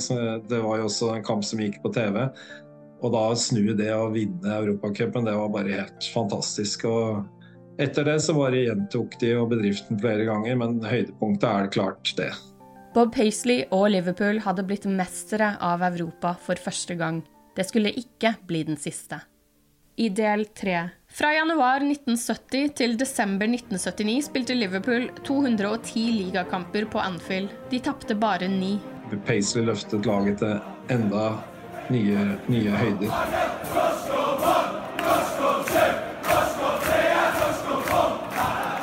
Nærmest ut av intet dukket Nottingham Forest opp for å gjøre livet litt vanskeligere for Liverpool. All of that thing that was going on around the city at that time made the football club even more important. Den beste historien av alle syns jeg er den om, om Ronny Whelan. Men bare én måned inn i den nye sesongen gikk fotball-England, og spesielt Liverpool, inn i sorg. Jeg skrev et brev til han eh, og spurte om han eh, kunne tenke seg å bli æresmedlem i supporterklubben. Without Paisley, Jørgen Klopp doesn't come to manage Liverpool now. Han fulgte legenden Bill Shankly og ikke bare matchet han det han gjorde, han gjorde det enda bedre, sa Sunes. Du hører på pausepraten dokumentar fra Liverpool supporterklubb Norge.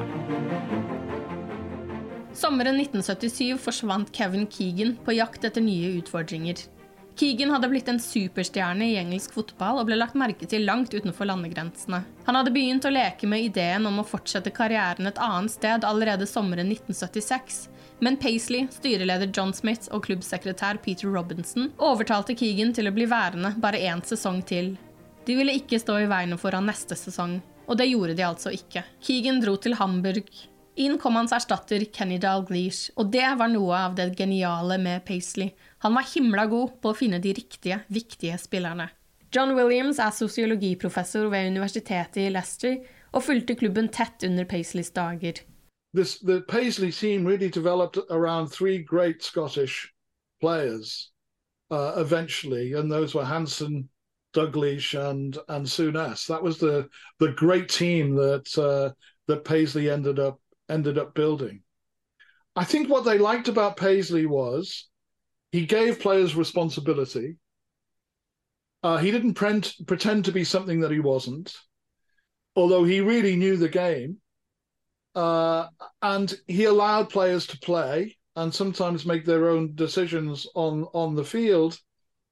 Uh, and he he had no great ego. They they knew he wasn't a, a Brian Clough or a Shankly or or any of those types of coaches and managers. They trusted him. Uh, he came from the inside. They had a lot of success. Why not? Why not continue that success? And his credo, as I've said, was uh, there's no se- secret about winning trophies. You just get the best players and allow them to play and very often work things out for themselves. And that's what they did. Etter at han ble manager, holdt han seg litt mer borte fra the boot room for å gi trenerne rom til å prate fritt uten at sjefen overhørte dem. Because you were the manager now, you had to be a little bit apart from your your coaches and other staff members.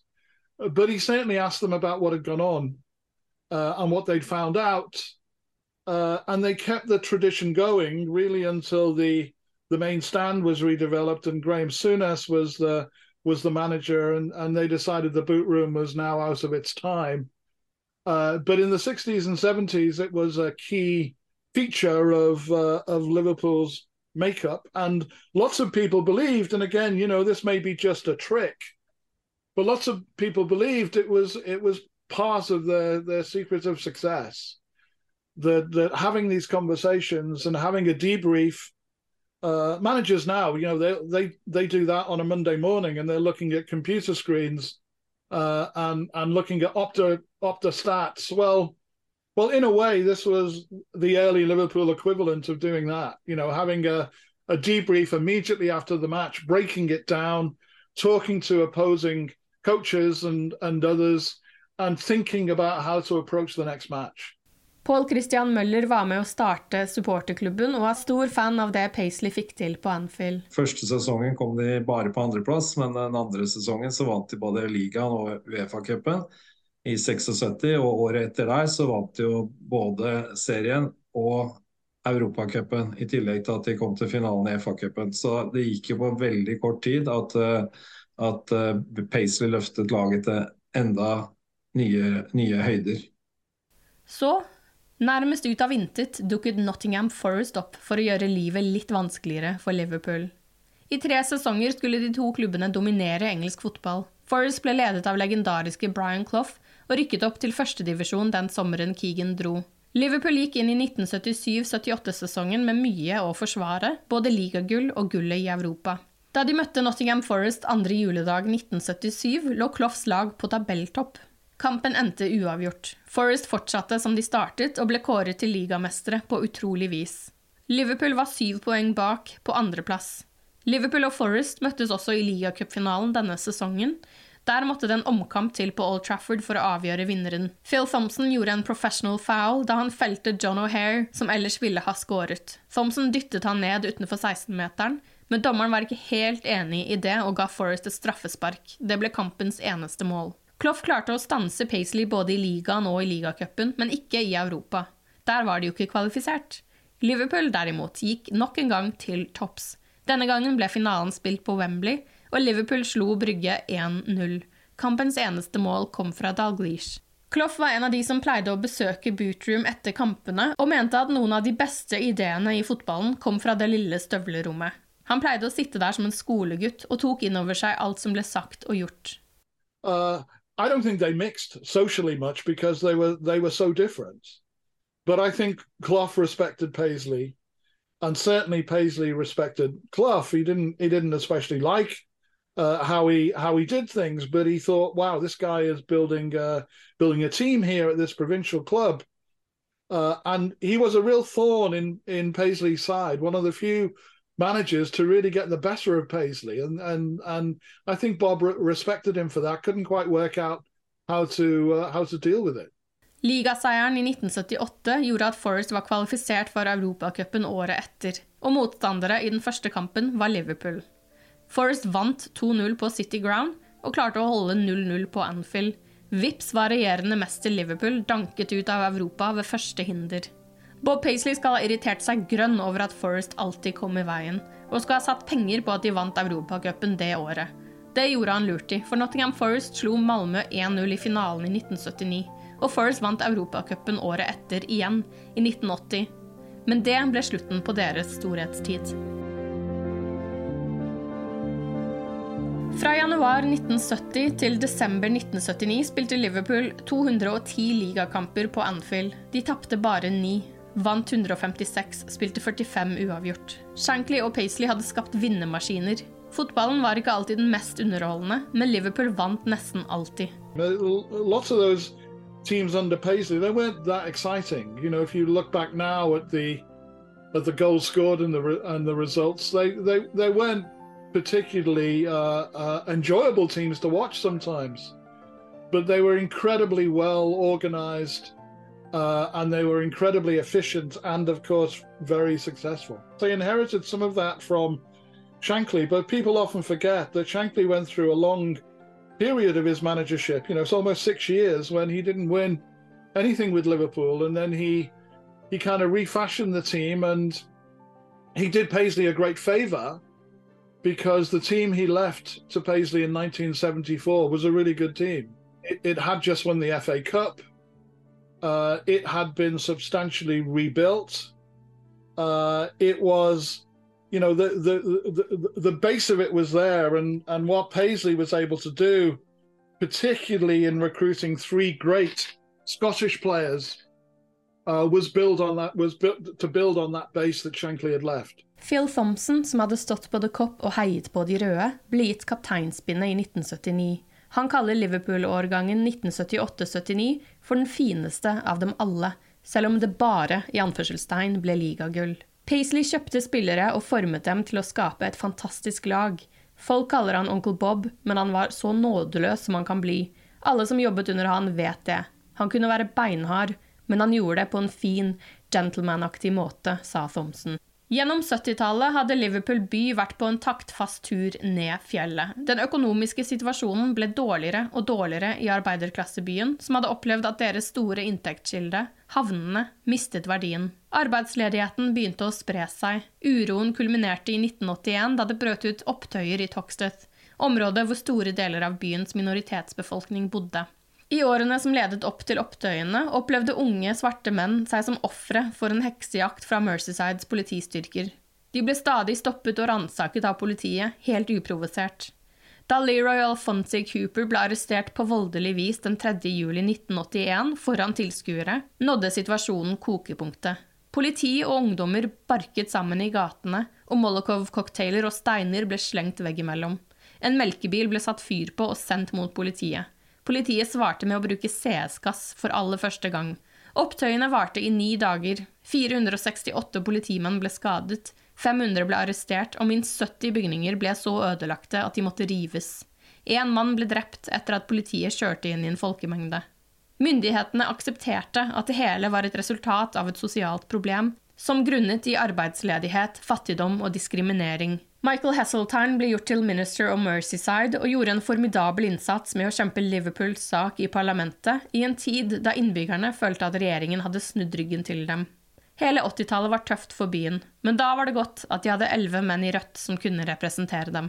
What was happening in Liverpool, you know, those, those real troubles, the unemployment, the labeling of the city by outsiders as, as, as full of troublemakers, uh, all of that, all of that thing that was going on around the city at that time made the football club even more important than it had previously been. You know, a lot of young men growing up in Liverpool in the late 70s and early 80s, you know, who were who were bright and creative uh, young people, there was no real future for them.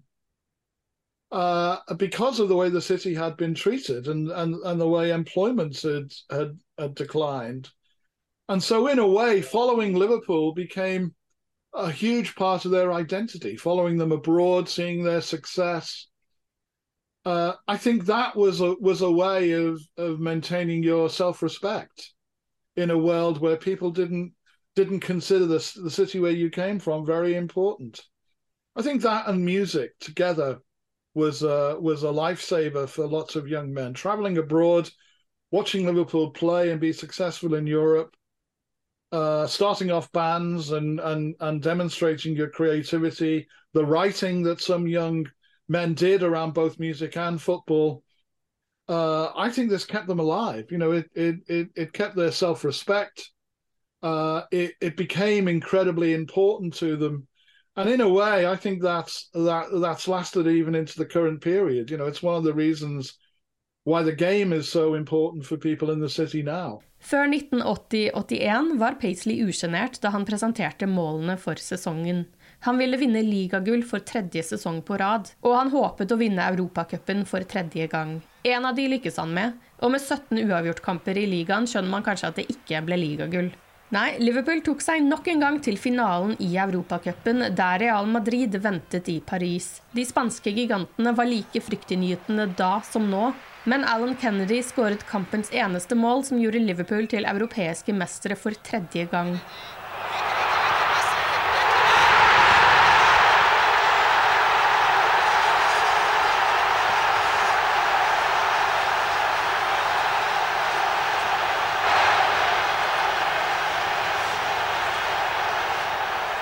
Paisley så alltid fremover. En seier, et trofé, kunne nytes, men ikke for lenge. Da han overhørte Steve Highway si til lagkameratene sine at de burde ha en årlig reunion for seieren i Roma i 77, så mistet Paisley besinnelsen. Drit i reunions, tenk heller på det neste vi skal vinne. Han, han hadde jo også ord på seg for å ha litt sånn eh, tørr humor, da. Og han kunne være ganske Han var flink med spillerne. Han passa på at ingen tok av. Kanskje litt for opptatt av at ingen skulle liksom ja, hvile på laurbærene, men liksom få beina ned på bakken. Og den beste historien av alle syns jeg er den om, om Ronny Whelan. Da når han var 19 år, hadde kommet fra Irland og debuterte for Liverpool og, mot Stoke og skåret et mål i debuten sin. Og da liksom tenkte jeg nå er jeg, nå er jeg på førstelaget. Så kommer han inn til Bob Paisley og sier at du sjef. Neste uke så spiller vi mot Manchester United. Og familien min kommer over fra Irland. Kan jeg få tre billetter? Så så Paisley på oss og sa du kan få fire, for du skal ikke spille kampen. Og da, da, Det var bare så utrolig ærlig måte å gjøre det på. At det ikke kan være å tro at du er der, liksom. Og da, var ikke, da spilte ikke Ronny Wheel på nesten et halvt år. Han fikk ikke spille kamp nummer to før, han, han hadde, før Pacey mente han var klar. Og da kom han inn da på høsten et halvt år etterpå, overtok plassen til, Ronny, nei, til Ray Kennedy og så seg aldri tilbake. Og var en uh, fantastisk spiller også. Så det var liksom hans måte å, håndtere spillerne på. da. Du vant ligaen, vant en Europacup dagen etterpå. Nå er vi ferdig med det. Nå skal vi se framover til neste sesong. Så det er liksom noe av det som kanskje kjennetegner hans måte å være på. da en fantastisk eh, person, en fantastisk spiller og en helt utrolig manager. 1981-82-sesongen kom med en endring i fotballen, da to poeng for seier ble gjort om til tre og ett poeng ved uavgjort. Men bare én måned inn i den nye sesongen gikk fotball-England, og spesielt Liverpool, inn i sorg. Den 29.9 døde Bill Shankly på sykehuset etter to hjerteinfarkt. Jeg trodde Bill var udødelig, at han skulle leve for alltid, sa Paisley. Jeg er bare glad jeg kunne jobbe med han og bli kjent med hans unike person. Bill er akkurat det fotball handler om. Det var et privilegium og en ære å ha jobbet med han. Paisley talte i begravelsen til mannen som han hadde så endeløst med respekt for.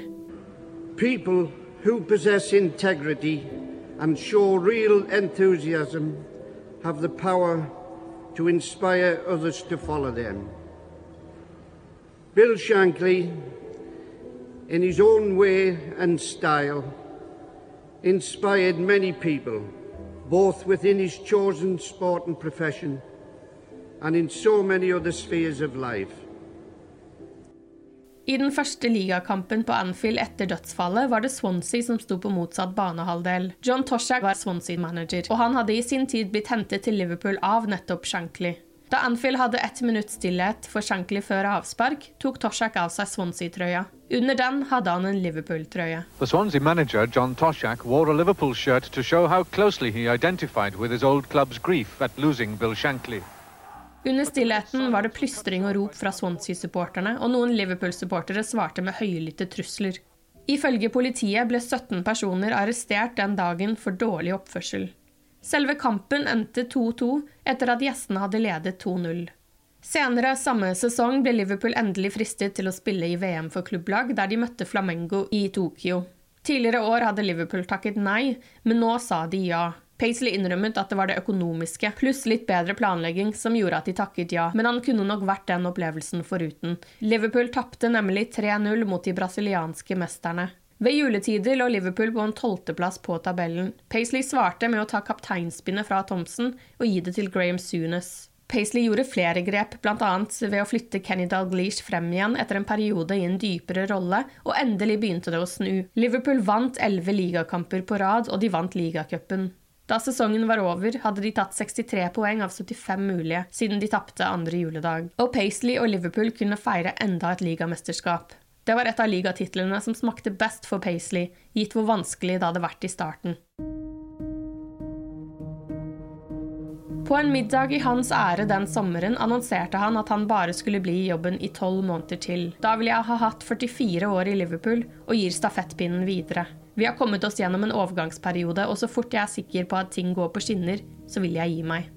Paisley hadde altså bare 1982-83-sesongen igjen før han pensjonerte seg som manager. I løpet av sesongen ble det annonsert at det var assistenttrener Joe Fagan som skulle ta over.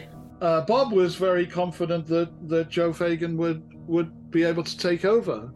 And, you know, the, he described it as just what happened when Shankly uh, finished and, uh, and we had someone on the inside who could do the same job.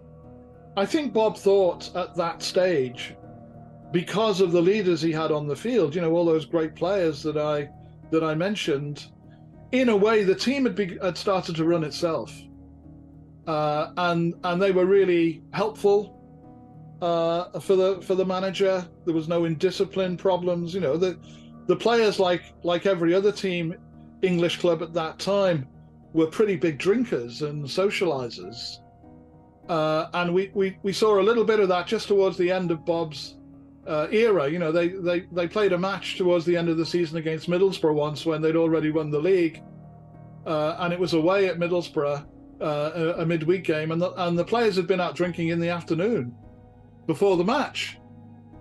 So, you know, uh, uh, the players had a lot of say and a lot of control over what was happening. And I think Paisley realized that uh, he was leaving the club in good hands with great players, with uh, with someone from inside the club who could who could do the same job that, that he'd done. And of course, uh, Joe Fagan did. I mean, that fantastic season in 1984, the, the, the treble season, was uh, was you know very much confirmed what Paisley felt that that his time was done, and he had someone else who he could trust to hand the reins to. Det var tydelig at spillerne ønsket å gi han en fin avgang. I november reiste de den korte veien til Goodison Park, der de vant hele 5-0. Ian Rush skåret fire av målene, noe det fortsatt synges om på Anfield den dag i dag.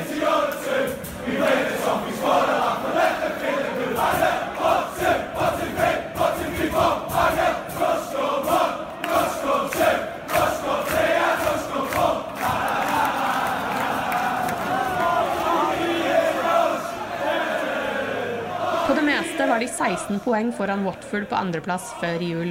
Avstanden mellom Elton Johns lag og Liverpool endte omsider på 11 poeng, men det var fordi Liverpool tok foten av gasspedalen da de ble kronet ligavinnere, da det fortsatt gjensto fem kamper å spille. Liverpool tok seg også til finalen i ligacupen, en kamp på Wembley for ellevte gang under Paisleys ledelse. Der slo de Manchester United. Etter kampen vandret Paisley mot spillertunnelen da han ble stoppet av Joe Fagan, Ronny Moran og Tom Saunders. De tok regnjakka og capsen hans og sendte han til kaptein Sunes. Sunes ville at Paisley skulle ta imot trofeet.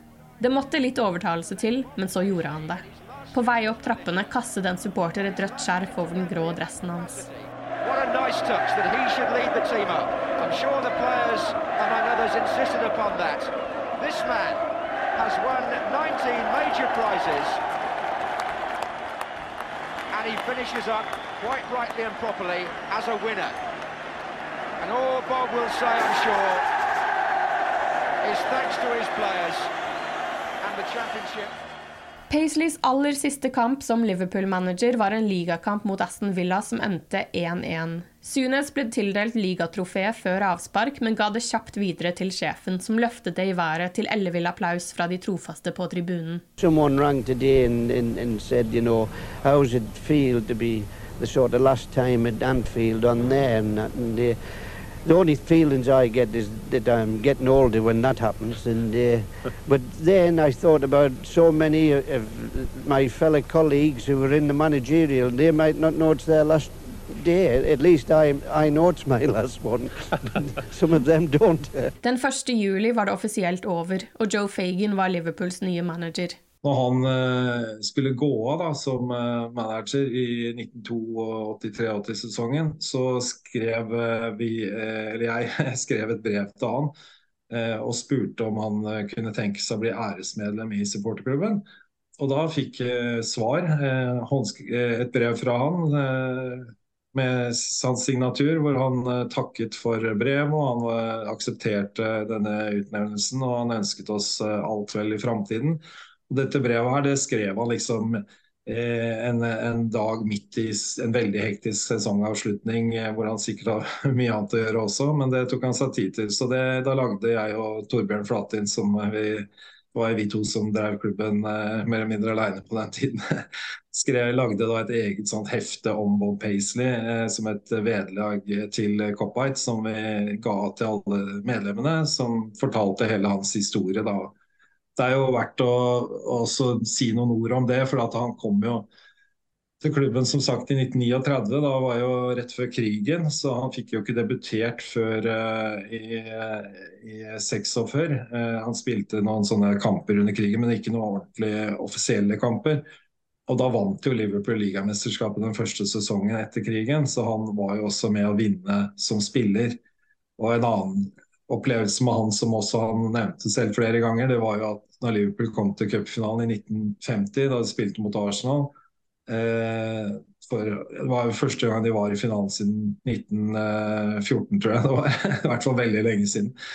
Så skårte han i semifinalen, men han ble vraket til finalen. På den tiden så hadde de heller ikke reserver.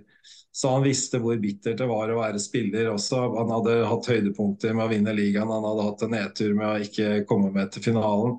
Som også han fortalte at det hjalp han også i hans jobb som manager, når han skulle lede andre spillere og, og vrake dem. Eh, etter at han ga seg som, eh, som, spiller, så jobbet han jo i støtteapparatet. Han, var fysioterapeut, og han var reservelagstrener og han var assisterende manager. Og eh, ble da til slutt manager, men fortsatte også etterpå og var en rådgiver for, for Kenny Dalglish når han var manager, og, og endte da til slutt opp i, i styret. Så han, han tjente klubben på veldig mange forskjellige måter. og er, er en av de aller største i klubben gjennom alle tider. Det er ingen tvil Det er fryktelig vanskelig å gi seg. Bill Shankly ga seg altfor tidlig og angret resten av livet, men jeg vet at det er riktig for meg. Bill og jeg var veldig nære, men vidt forskjellige mennesker, sa Paisley.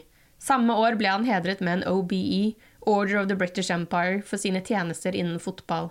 Til tross for at Paisley ga seg som manager, fortsatte han sin trofaste tjeneste til Liverpool som direktør. Det var et tilbud Shankly aldri fikk. The club wanted to avoid what had happened with Shankly. Uh, and the club did not want to give anybody the impression that they were somehow turfing Paisley out or they they wanted nothing to do with him now. So so that issue that that was around uh, Shankly wasn't around in the same way for Paisley. And certainly Joe Fagan didn't want that. You know, Paisley realized when he took over from Shankly that Shankly was such a powerful uh, force inside the club that to have Shankly around would make it very difficult for him to manage. Fagan didn't feel the same way about Paisley because Paisley's uh, identity was much was much smaller than Shankly's. So all that business about you know uh, we prefer it if you didn't turn up uh, at the club and you didn't stay involved with the club. None of that was was there when Paisley resigned. Uh, so it was a much easier transition, I think. Etter hvert ble han syk. Han og kona Jessie hadde kjørt til Derby for å hilse på sitt nye barnebarn. På vei hjem igjen måtte han spørre Jessie om veien, en vei han hadde tatt mange ganger tidligere. Paisley ble syk med Alzheimer. Det hadde vært noen tegn på sykdommen også før hendelsen på vei hjem fra Derby. I 1987 skulle han fotografere sammen replikaer av de tre europacupene han hadde vunnet. Da han så de, spurte han fotografen hva de var for noe. Den 7. februar 1992 trakk han seg fra styret pga. sykdommen som hadde ledet til noen uheldige kommentarer som pressen hadde plukket opp. Han tilbrakte sin siste tid på et sykehjem, og på Valentine's Day i 1996 døde han, 77 år gammel. Uh, you know, I think everyone, certainly everyone of my generation, has great respect and admiration for Paisley because he he he made the club what it is. Without Paisley and that, that memory and history of that period, Jurgen Klopp doesn't come to manage Liverpool now. Jurgen Klopp comes because he remembers Liverpool and he remembers their history and their past, and Shankly, Paisley, and he wants to be part of that. Uh, and so all that Paisley did back in the 70s and 80s still resonates now. You know, it's still one of the reasons why the club is where it is now. He couldn't win the FA Cup some for some reason.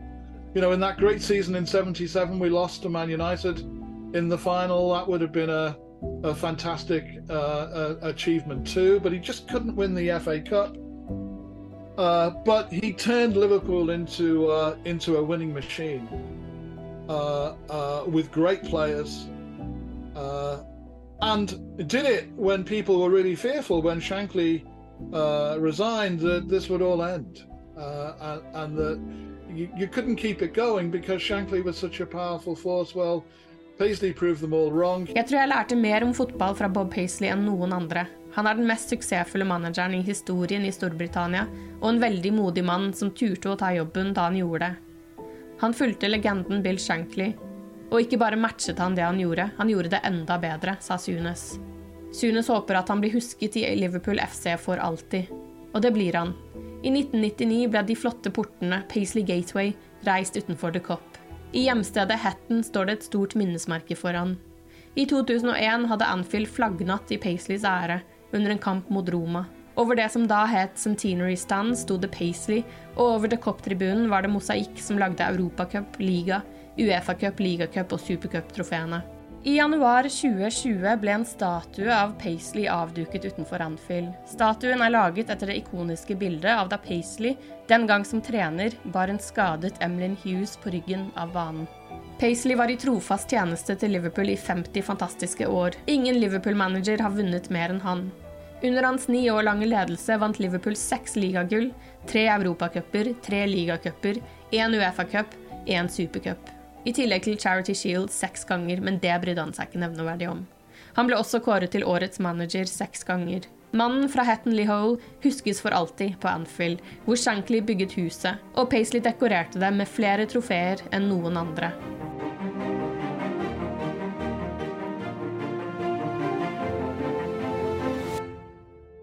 Best word I can say, but uh, will describe this was boom. Ooh, what was this? It was really good. Imagine the softest sheets you've ever felt. Now imagine them getting even softer over time. That's what you'll feel with Bowl and Branch's organic cotton sheets. In a recent customer survey, 96% replied that Bowl and Branch sheets get softer with every wash. Start getting your best night's sleep in these sheets that get softer and softer for years to come. Try their sheets with a 30-night guarantee. Plus, get 15% off your first order at bowlandbranch.com. Code BUTTERY. Exclusions apply. See site for details.